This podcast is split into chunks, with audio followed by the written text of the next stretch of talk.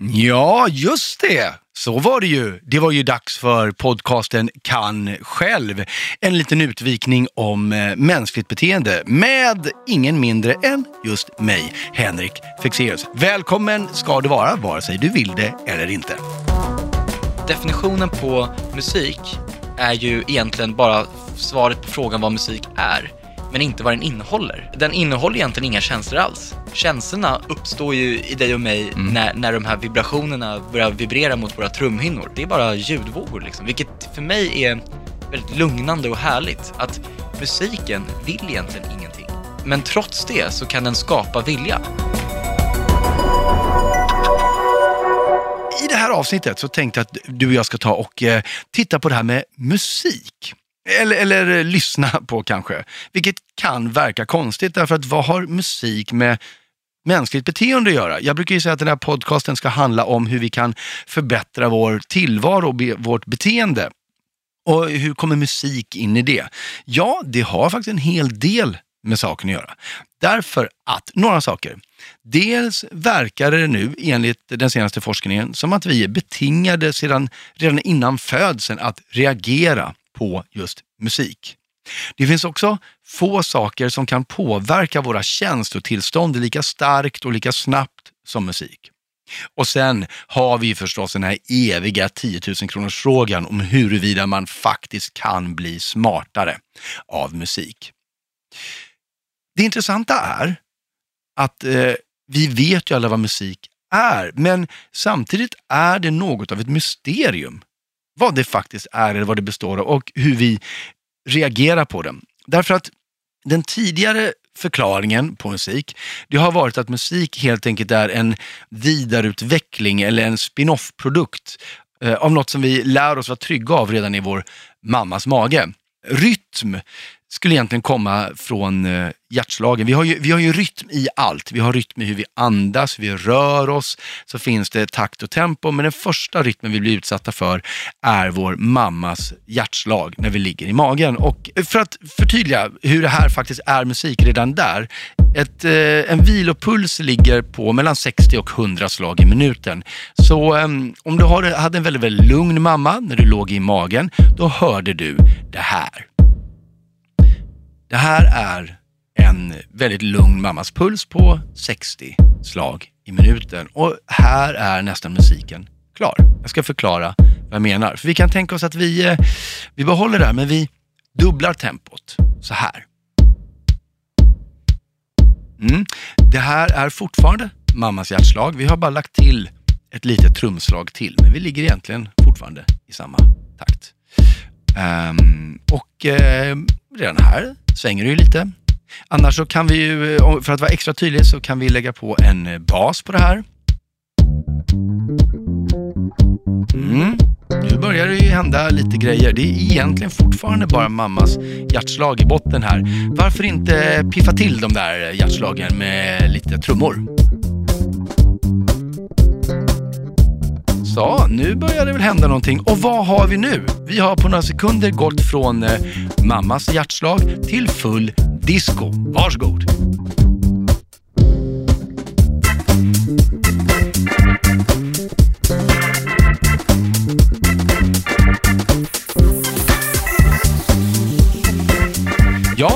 Är därför vi gillar musik helt enkelt. Jag ska också säga det att den taktarten vi använder nu är en av de vanligast förekommande taktarterna när vi lyssnar på musik och när vi dansar till musik. Eller, och lite snabbare vill vi ibland ha det. Och sång skulle vara motsvarande. Sång skulle egentligen vara vår förmåga att uppfatta igen då hastighet eh, som är rytm, men också tonhöjd och, och, vissa frekvenser i, i tal som gör att, att vi uppskattar sång. Det har varit den tidigare ganska rimliga förklaringen. Men ny forskning visar att det här inte riktigt stämmer. Därför att tidigare har man inte kunnat titta på hjärnan i samma höga detalj som nu. Så att man har bara sett liksom hur större områden har eh, aktiverats. Men, eh, och det är fortfarande inte helt högupplöst, ska jag säga, när man skannar hjärnan. Den minsta enheten när man skannar hjärnan kallas för en voxel. Och en voxel innehåller fortfarande hundratusentals, om inte miljoner med hjärnceller.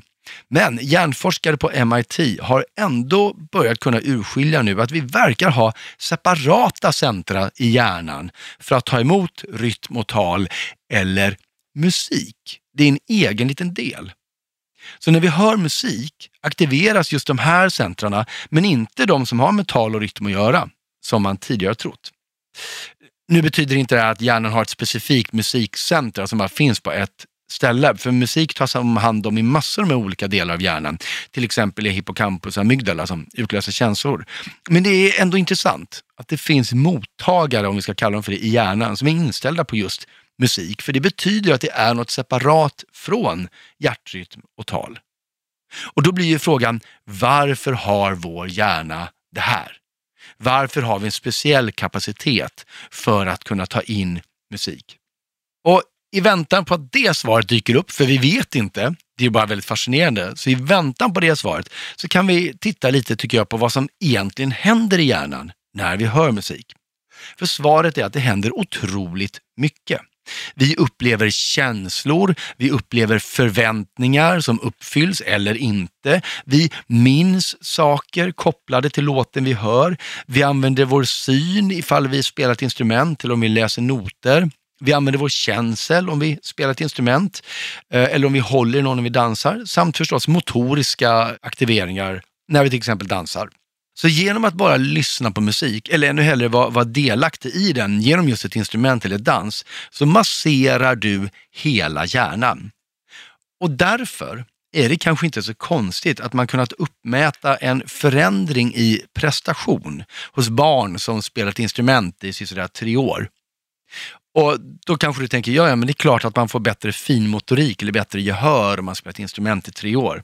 Ja, men det intressanta är att de som spelat instrument i tre år, när man har jämfört dem med andra unga, så visar de även en bättre förmåga i helt orelaterade saker som inte har med musik att göra, som till exempel eh, mönsterigenkänning, verbal argumentation. Så det verkar alltså som att genom att aktivt musicera så har hela hjärnan blivit mer effektiv och man kanske till och med skulle kunna säga lite smartare. Det betyder inte att man blir smartare genom att eh, föräldrarna spelar klassisk musik till en när man ligger i magen, den så kallade Mozart-effekten. Det är något helt annat och det stämmer inte riktigt. Men genom att vara aktivt delaktig så aktiverar vi hjärnan på ett fantastiskt bra sätt. Och sen finns det ju förstås alla de här känslorelaterade fördelarna. Eftersom musik har förmågan att väcka känslor i oss så betyder det att musik kan förändra vår kemiska balans. Den kan göra oss kreativa genom att ge oss dopamin och serotonin när vi lyssnar på musik som gör oss glada. Musik kan ge oss en stressboost om vi lyssnar på högtempomusik och ibland så kan ju det vara bra att få.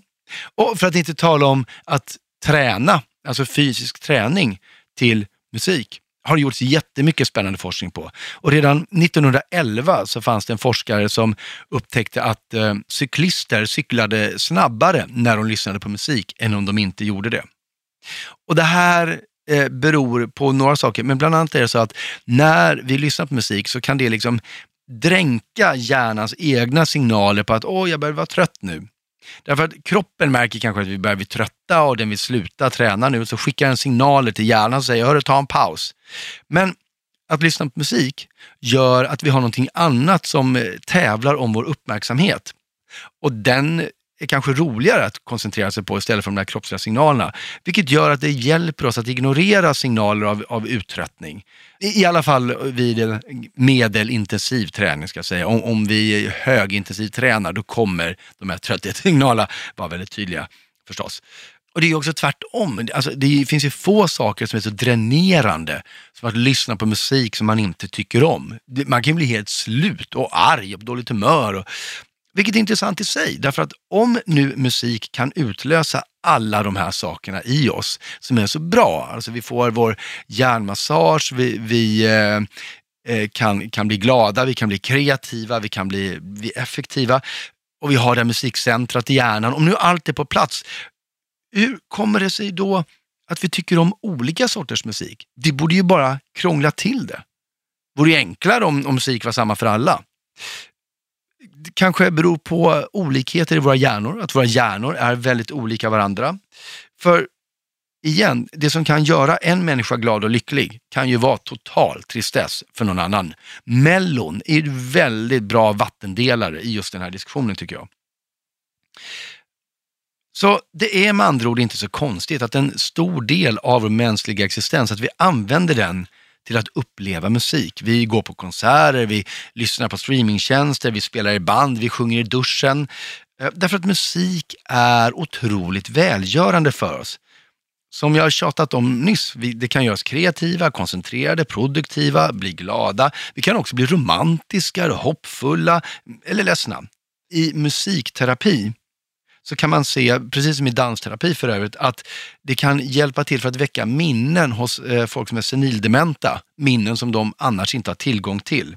Och det kan också hjälpa till, när man, eh, det här har man studerat och sett att det kan, gamla människor som eh, genomgår en operation kan ofta få en, en sinnesförvirring efteråt och musik kan, eh, kan hjälpa att, att minska den. Så vår hjärna gör skillnad alltså på musik och andra ljudintryck och med tanke på hur välgörande musik är för oss så kanske det är bra för oss. Då. Och det, faktum är att det är så integrerat i vår existens att människor som säger jag tycker inte om musik, för det första tror vi inte riktigt på dem och för det andra tycker vi att de är lite konstiga. Sorry om du är en av dem, men din hjärna vill ha musik. Till och med jag fuskar gärna inom musik. Eh, jag jobbade som DJ i andra halvan av 90-talet, spelade i ett band samma period. Och det där är över nu, men fortfarande tar jag alla tillfällen jag kan. Eh, gingen till Kan själv har jag gjort. Jag gör all musik till mina föreställningar själv. Eh, inte för att jag tycker att jag är så fantastiskt bra, eller att det blir bättre att jag gör det om någon annan gör det, men bara för att det är så roligt. Det är något magiskt som inte jag kan förklara och det känns kanske lite konstigt att jag sitter och pratar om grejer nu som jag inte kan förklara, när podden handlar om att förklara saker.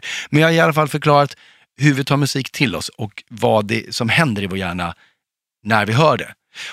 Och någon som kanske kan sprida lite ljus över det här som inte jag kan, det är dagens gäst som har en närmare relation till musik än vad de flesta av oss har. Välkommen hit kompositören Jakob Mullrad. Tack så hemskt mycket. Jag tänkte att jag ska berätta, till, till äventyrs kan det vara så att någon som lyssnar inte har full koll på dig. Och i så fall så är det för att åtminstone utåt sett så känns det som att det har gått ganska fort. Eh, för dig kanske inte, men för oss andra. Så du är kompositör. Du är en väldigt ung sådan med tanke på vad du håller på med. Du fyller 27 år, stämmer det? Stämmer bra. Och du har hållit på med musik sedan du var 14. Mm. Så det är 13 år. Mm. Det är inte jätte jättelänge musicerande. Nej, sen, sen kanske man inte heller bestämmer sig över en natt att man vill ägna sitt liv åt det här. Så det var, när jag var 14-15 där så, så var det mer att jag började upptäcka musik och eh, ja, spela lite piano ungefär, du vet, man kan ta fram en gura och spela lite gitarr. Just det. Eh, men det är väl kanske inte egentligen förrän jag kanske var så här 19 egentligen som jag vid någon, en ganska specifik punkt bestämde för att ägna mitt liv åt det. Och då gör man ju det på ett annat sätt. Liksom. Absolut. Uh, så att sen du var 19, det är åtta år. Mm. Och eh, redan idag så kallas du för en av världens mest lovande kompositörer. ingen press känns det som. Hur tar man sig vidare från det? Det måste ju vara tungt, eller? Ja, alltså det är ju väldigt eh, smickrande med en sån, eh, att få ett sånt omnämnande självklart. Men, eh, ska jag säga, jag, eh, det, det, jag rör mig ifrån och till mm. är mer liksom inom musiken, snarare än kanske så här eh, ja, karriärsstatusmål. Eh, det, det, är inte därför du gör det. Nej men precis, eller det, det är inte heller liksom, ja, det, det, för mig är det väldigt eh, komplext hur det rör sig. Det, mm. För mig är det mer intressant med hur det rör sig i musiken. Liksom. Men hur, innan vi kommer in på det, hur, hur det rör sig inom musiken, för att eh, någonting som jag väldigt ofta pratar om i den här podcasten är just det här sociala spelet oss emellan och hur vi bedömer varandra och inte. Eh, har du, känner du att, har du liksom blivit accepterad och intagen i den här gruppen av, jag, jag inbillar mig att det finns någon form av så här klick av, av eh, kompositörer som är liksom den här gräddan som hur, får du vara med där eller är du den här liksom gossen Ruda som är lite inne på kanten? Eller hur, hur, hur ser det ut i musikvärlden? Jag har alltid varit lite så här, eh, både, bo, både innanför och utanför. Alltså så här, eh, även, det är egentligen ett så generellt eh, tema liksom i, i mitt liv i, i skolan så, så var jag liksom, liksom svensk. Men jag var också jude, i liksom, när jag till till exempel gick enskilda gymnasiet. Eh, så då var jag både liksom innanför och utanför och Mm. när jag kom på, till, alltså när jag började på musikhögskolan, då kom jag liksom från en familj som, som, som liksom är inte kanske så, eh, så eh, ska man säga, så, det är ingen musikfamilj jag kommer ifrån. Nej. Det är ingen som är utbildad inom musik, vilket, vilket är väldigt kontrasterande eh, i en skola där typ en, den absoluta merparten har föräldrar som håller på med musik, eller Just till det. och med professorer på skolan. Så på, och, och i den kontexten så hamnade jag också på ett sätt lite utanför. Och idag så har jag väl också på ett sätt hamnat, kan, alltså både innanför och utanför här också, för att den typen av karriär som jag har gjort är ju är kanske inte så här, den vanliga. För att just inom konstmusiken så tar allting väldigt, väldigt lång tid. Mm. Eh, och sen så har det gått fort för mig att, att få eh, beställningar och etablerat mig. Eh, vilket jag känner mig väldigt tacksam för. Men det, det är klart att det, det tas emot eh, både positivt och negativt. Liksom. Men, Just det, men det, det, det är så du är van vid att saker och ting är helt enkelt. Ja, men precis. Ja. precis. Det, det finns en Stra- Stravinsky, Igor Stravinsky som skrev eh, Våroffer på 20-talet. Han, eh, han talade mycket om i hans, i hans bok Musikalisk poetik, just om, om värdet att vara lite utanför. Mm. Också någonting som till exempel Kafka också pratade om. Det här med att de såg honom liksom som, som jude, men också som en, en del utav, ja. Intressant. Och apropå då eh, verk och beställningar, du hade en stor uppsättning på Berwaldhallen i höstas. Eh, och eh, om jag skulle uttala det, vilket jag kommer göra fel, skulle jag säga att den heter Kaddish, men du skulle säga att den heter? Eh, helt rätt, Åh, Kaddish. det är rätt! Snyggt. Tack! Snyggt. Eh, sen vet inte jag om det på något sätt bleknade av att du också hade ett verk uppfört i Carnegie Hall bara året innan, 2016. Så det är ju, är ju stort, det är ju sjukt stort. Men Det, det, var, det var fantastiskt roligt, verkligen. Och så har du fått pris förstås från Micke Bindefelds eh, stiftelse till eh, minne av förintelsen, om jag minns rätt va? Stämmer bra. Mm. Stämmer bra.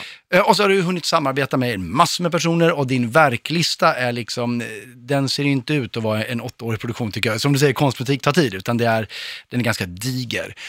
Så då blir jag nyfiken på, även om du när du var 19 bestämde dig för att det här är vad jag ska göra, vad var det som hände där när du var 14, när du hittade det där pianot eller guran? Liksom? Vad var det som vaknade?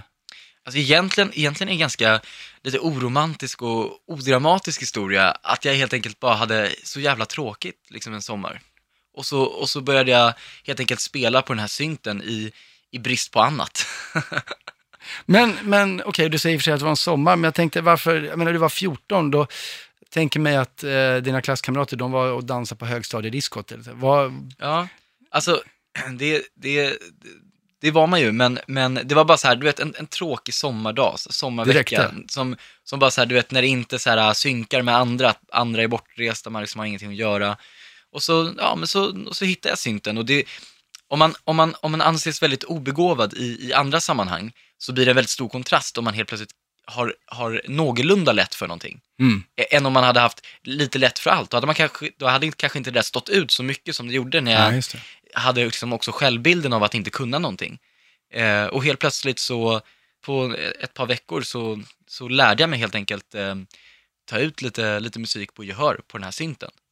Och eh, det var en början på någonting. Men och du kände alltså, du kände själv att, att eh, oj, här, här går det framåt på ett sätt som det inte gör på andra ställen? Ja, alltså, ja, men det, så, alltså, jag, jag tänkte mest på att jag tyckte att det var väldigt roligt. Mm. Eh, men sen var det andra i min om, alltså, nära omgivning som, som drog slutsatser av att eh, ja, men det, du är ju bra på det här. Liksom, och, så, Mm. och så började uppmuntra mig att så här, ska du inte ta pianolektioner? Och så var jag lite osäker på det och så till slut lät jag mig övertalas. Och, Men, men det låter som att du kanske inte själv hade någon sån här, bara, åh, här är min passion.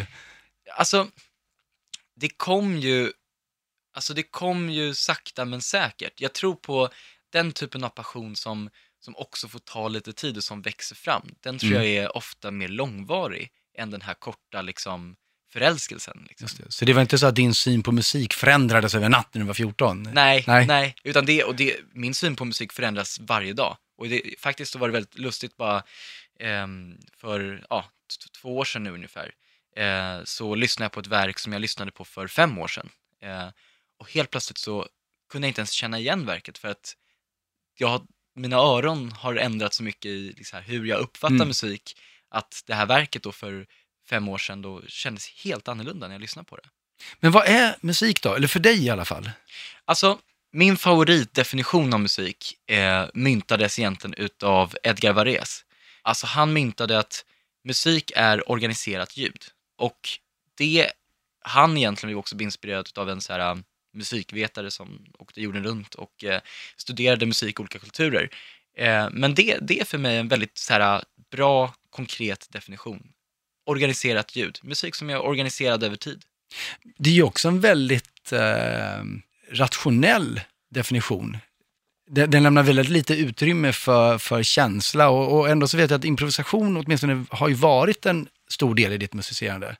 Hur, hur, går det ihop med, med att det ska vara organiserat? Jo men alltså, eh, alltså, organisation, alltså improvisation är ju oerhört eh, organiserat också. Hur då?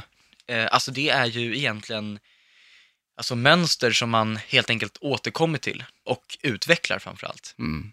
Och sen, alltså, n- någonting kan vara väldigt i, alltså, organiserat fast man har kommit fram till det intuitivt. Mm. Så väldigt mycket musik eh, som man kommer på intuitivt kan ha en oerhört hög komplexitet. Men jag, jag skulle faktiskt jag skulle vilja säga att organiserat ljud kan låta liksom lite sterilt eller liksom lite, lite så, men, men jag skulle säga att det snarare ger utrymme för, för att det också finns annat i det. Alltså Att, Som? jo, men som att definitionen på musik är ju egentligen bara svaret på frågan vad musik är, men inte vad den innehåller. Mm. ja. ja, snyggt. Så vad innehåller den då? Jo, men det är det. det den, den innehåller egentligen inga känslor alls. Känslorna uppstår ju i dig och mig när, när de här vibrationerna börjar vibrera mot våra trumhinnor. Det är då det utlöses liksom biokemiska reaktioner i hjärnan som får oss att känna. Mm. Men innan dess så är det verkligen, det är bara ljudvågor liksom, vilket för mig är väldigt lugnande och härligt. Att musiken vill egentligen ingenting. Men trots det så kan den skapa vilja. Mm. Och det för mig, det är för mig helt magiskt. När du ska skapa eller komponera, hur ser din process ut då? Vad, vad går genom ditt huvud? det är så olika. Det är verkligen, verkligen olika. Eh, ibland har jag en mer konceptuell utgångspunkt och då kan jag låta konceptet styra en bit för att ta mig någonstans dit jag annars inte hade tagit mig via min intuition. Liksom. Mm. För att ta ett väldigt extremt exempel en gång så skrev jag ett verk baserat på algoritmen för hur en alg växer eh, via ett Lindmeyer-system. Så då fick jag ut massa data och sen så gjorde jag bara ett, ett regelverk då för, för eh, vilka, vilka värden som skulle associeras med olika musikaliska parametrar. Typ att siffran 1 är tonen A, bara för att förenkla nu. Mm. Siffran 2 är tonen D och sen så helt enkelt eh, byggde jag liksom, eh, ja, melodier kan man säga, på, med hjälp av de här verktygen. Men och då, då, då blir jag jättenyfiken, för då undrar jag, är syftet med en, en sån övning, var det ändå att nå fram till de melodierna eller var det själva processen i sig som var, var det intressanta? Alltså, det intressanta tycker jag, jag, jag tycker om när, när processen är, har eh, ett värde, Mm. men, men för mig är väldigt mycket musik det som klingar. Alltså, på något sätt är det som klingar är strukturen. Det Mm. vi hör är strukturen av musiken. Så, så för mig så, jag tycker att, ehm, alltså det var intressant hur, hur, de, hur de här melodierna formade sig, för jag hade nog aldrig kommit på det om det inte var tack vare den här algoritmen som jag känner mig då tacksam gentemot. För det, är- det är väl också väldigt mycket så med musik också, att det finns musik, alltså så här, musiken följer ju naturens lag på något sätt.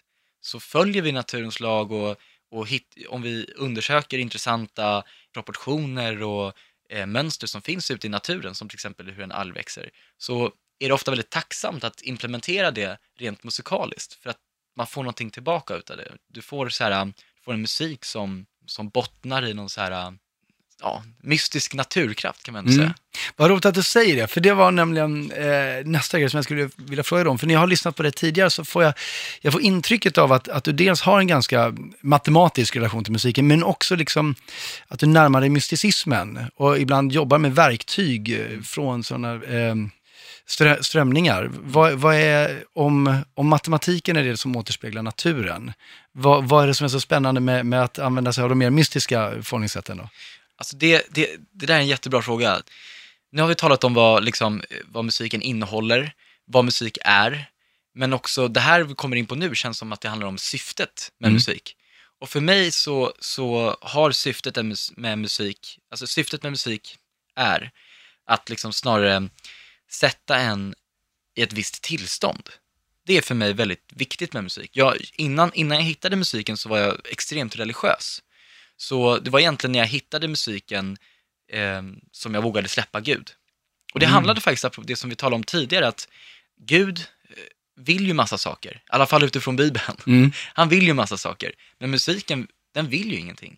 Den bara, den bara reflekterar. Men musiken vill ju kanske någonting. Absolut, absolut. Och jag vill ju någonting. Ja. Så det är absolut. Men det, det som är så fint är att musiken och jag, vi- det är två olika saker. Så ibland kan jag också känna att, att jag och andra kan få oförskämt mycket cred för musiken Mm. som upphovsman. För egentligen är det ju, man själv har gjort väldigt lite, det är egentligen musiken som gör det stora jobbet kan man Just säga. det, just det. Men vad intressant att du, att du kom in på, re- på religion. Hör, eh, ser du någon koppling där mellan, mellan religion och, och, musik? Ja men absolut. Och det, det, det som är intressant det, det är just det här att jag, för mig idag också i, i liksom ett samhälle där, där man kanske inte längre, det är färre och färre som, som är medlemmar i Svenska kyrkan till exempel. Mm. Vi lever i ett väldigt sekulariserat samhälle. För mig, jag tror inte att vårt behov av spiritualitet sjunker bara för att vi slutar tro på Gud. Så jag tror vi behöver hitta andra sätt att liksom tillgodose ett så grundläggande behov som att känna andlighet och spiritualitet. Och, och det gör jag i musiken. Och det hoppas jag att liksom, de som lyssnar på min musik också ska, ska känna. Alltså för mig så, så är det så sjukt viktigt med alltså att, att musiken kan sätta en i, i ett visst tillstånd. Det är viktigt för mig att, och jag gör gärna det genom liksom ritualer. Mm. Och egentligen fun fun- funktionen i en ritual är ju att man ska ta sig från ett tillstånd till ett annat via ritualen. Och ritualen kan ju vara, det kan vara att lyssna på musik, det kan också vara att använda de matematiska eh, processerna till exempel. Den. Eh, och det, jag, jag håller helt med dig. Jag är förmodligen kanske en av de minst andliga människorna du kommer träffa i hela ditt liv. Jag är så, så här benhårt naturvetenskaplig att mina filosofivänner blir förbannade på mig för de tycker att jag är för naturvetenskaplig. Och med det sagt, så jag såg ett, ett YouTube-klipp för några dagar sedan som egentligen handlade om hur det verkar som att musik kan gör att vi får tillgång till hjärnnätverk som vi kanske har stängt ute för vi har blivit senildementa. Och så eh, är det den här mannen som sitter på ett äldreboende och han musicerade och sjöng jämt när han var, när han var yngre och sen fick han ett antal slaganfall, stroke antar jag. Eh, och, och nu sitter han i princip i grönsak. Men om de ger honom ett par lurar med musik och så får han lyssna på det ett tag och sen under några minuter framöver så är han väldigt klar i huvudet och kan prata och prata väldigt mycket om musik. Och han var också väldigt religiös och han sa det här. God came down to me and made me holy. I am a holy man, so he gave me these sounds. Så han likställde alltså helighet med förmågan att uppskatta musik. Och grejen var att jag fattade precis vad han menade. Det resonerade jättedjupt i mig. Och jag tror inte på Gud, jag tror inte på någon annan, men det där. Och jag tror att musik, precis kanske som också dans, att det pratar med och, och tillgodoser ett väldigt, väldigt primalt behov vi har. Men med det sagt då, för då, för, han, för honom var ju då blues och soul och så vidare, det, det här som vi kallar väldigt känslosam musik. Du jobbar med ganska analytisk musik. Eh, Ja, det, alltså det, musiken kan ju vara eh, superkänslosam. Alltså ta till exempel Bach. Mm. Som, som, det finns nog förmodligen ingen kompositör som så många, framförallt kanske, eh, bara för att vara så här, eh, ska sig inte vara fördomsfull mot publiken, men många pensionärer förmodligen sitter och gråter till och känner liksom att det här är så himla känslosam Ja. musik. Eh, det är typ den mest konstruerade musiken som, som jag vet. Typ. Ja. Alltså Bach var ju liksom, han var ju talmystiker. Eh, Mhm. så han, Intressant. Ja, han gjorde ju massa så här, äh, melodier som var en sorts, han kallar det för Canon Riddle, i ett verk som han skrev. Där du vänder upp och ner på notpappret sen så kan du spela baklänges och så blir det, och så passar det perfekt med de andra musikernas. Ja, det är fantastiskt. Man spelar LP-skivan baklänges och så har man meddelandet. exakt, exakt. Så det är väldigt mycket musik på ett notpapper helt enkelt. Ja.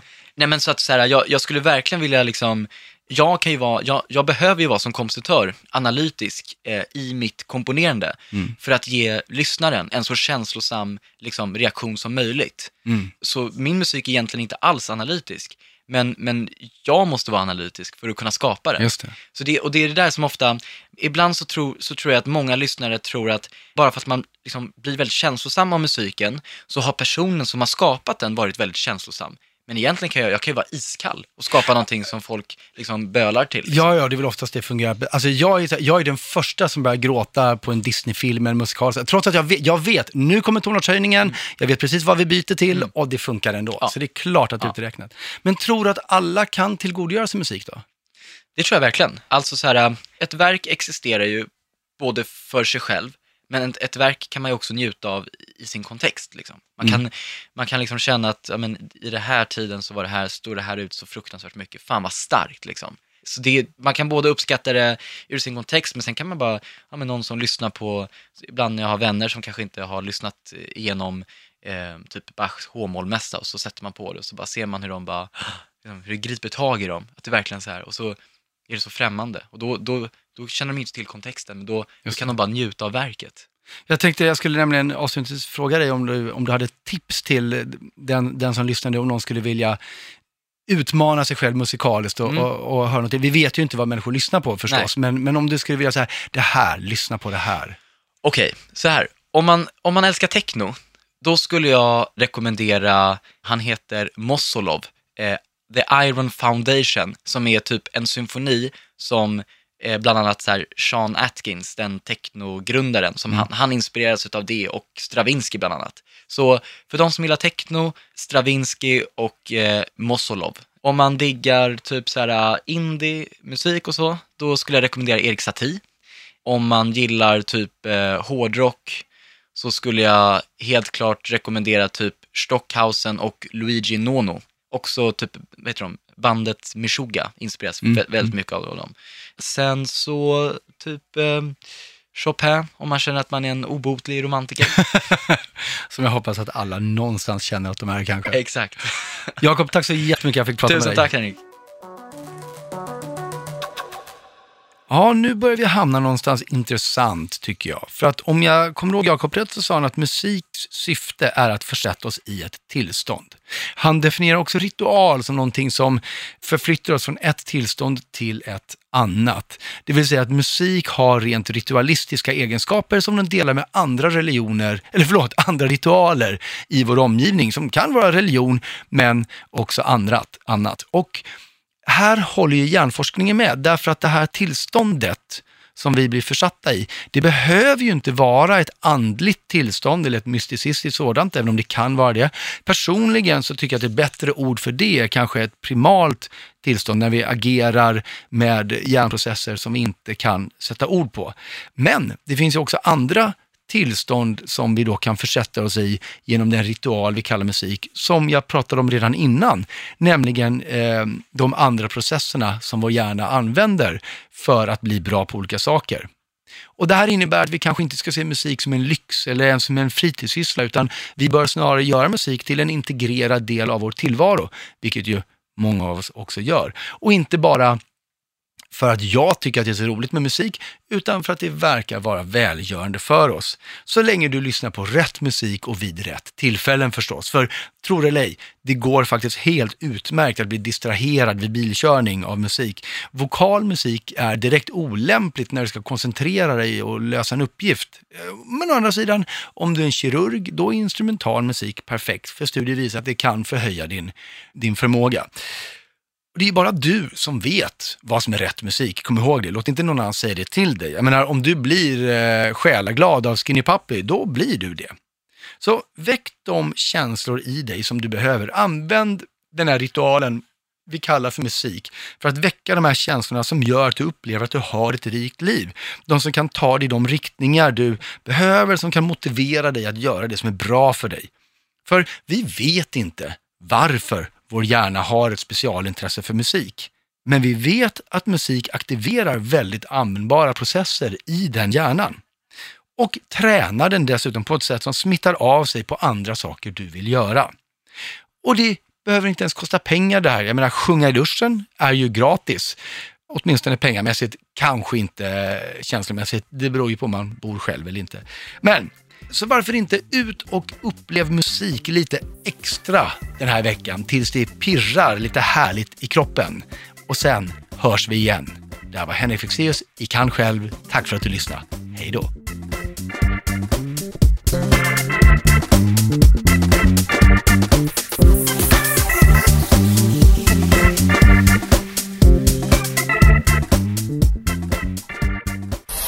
Produceras av I Like Radio. I like radio.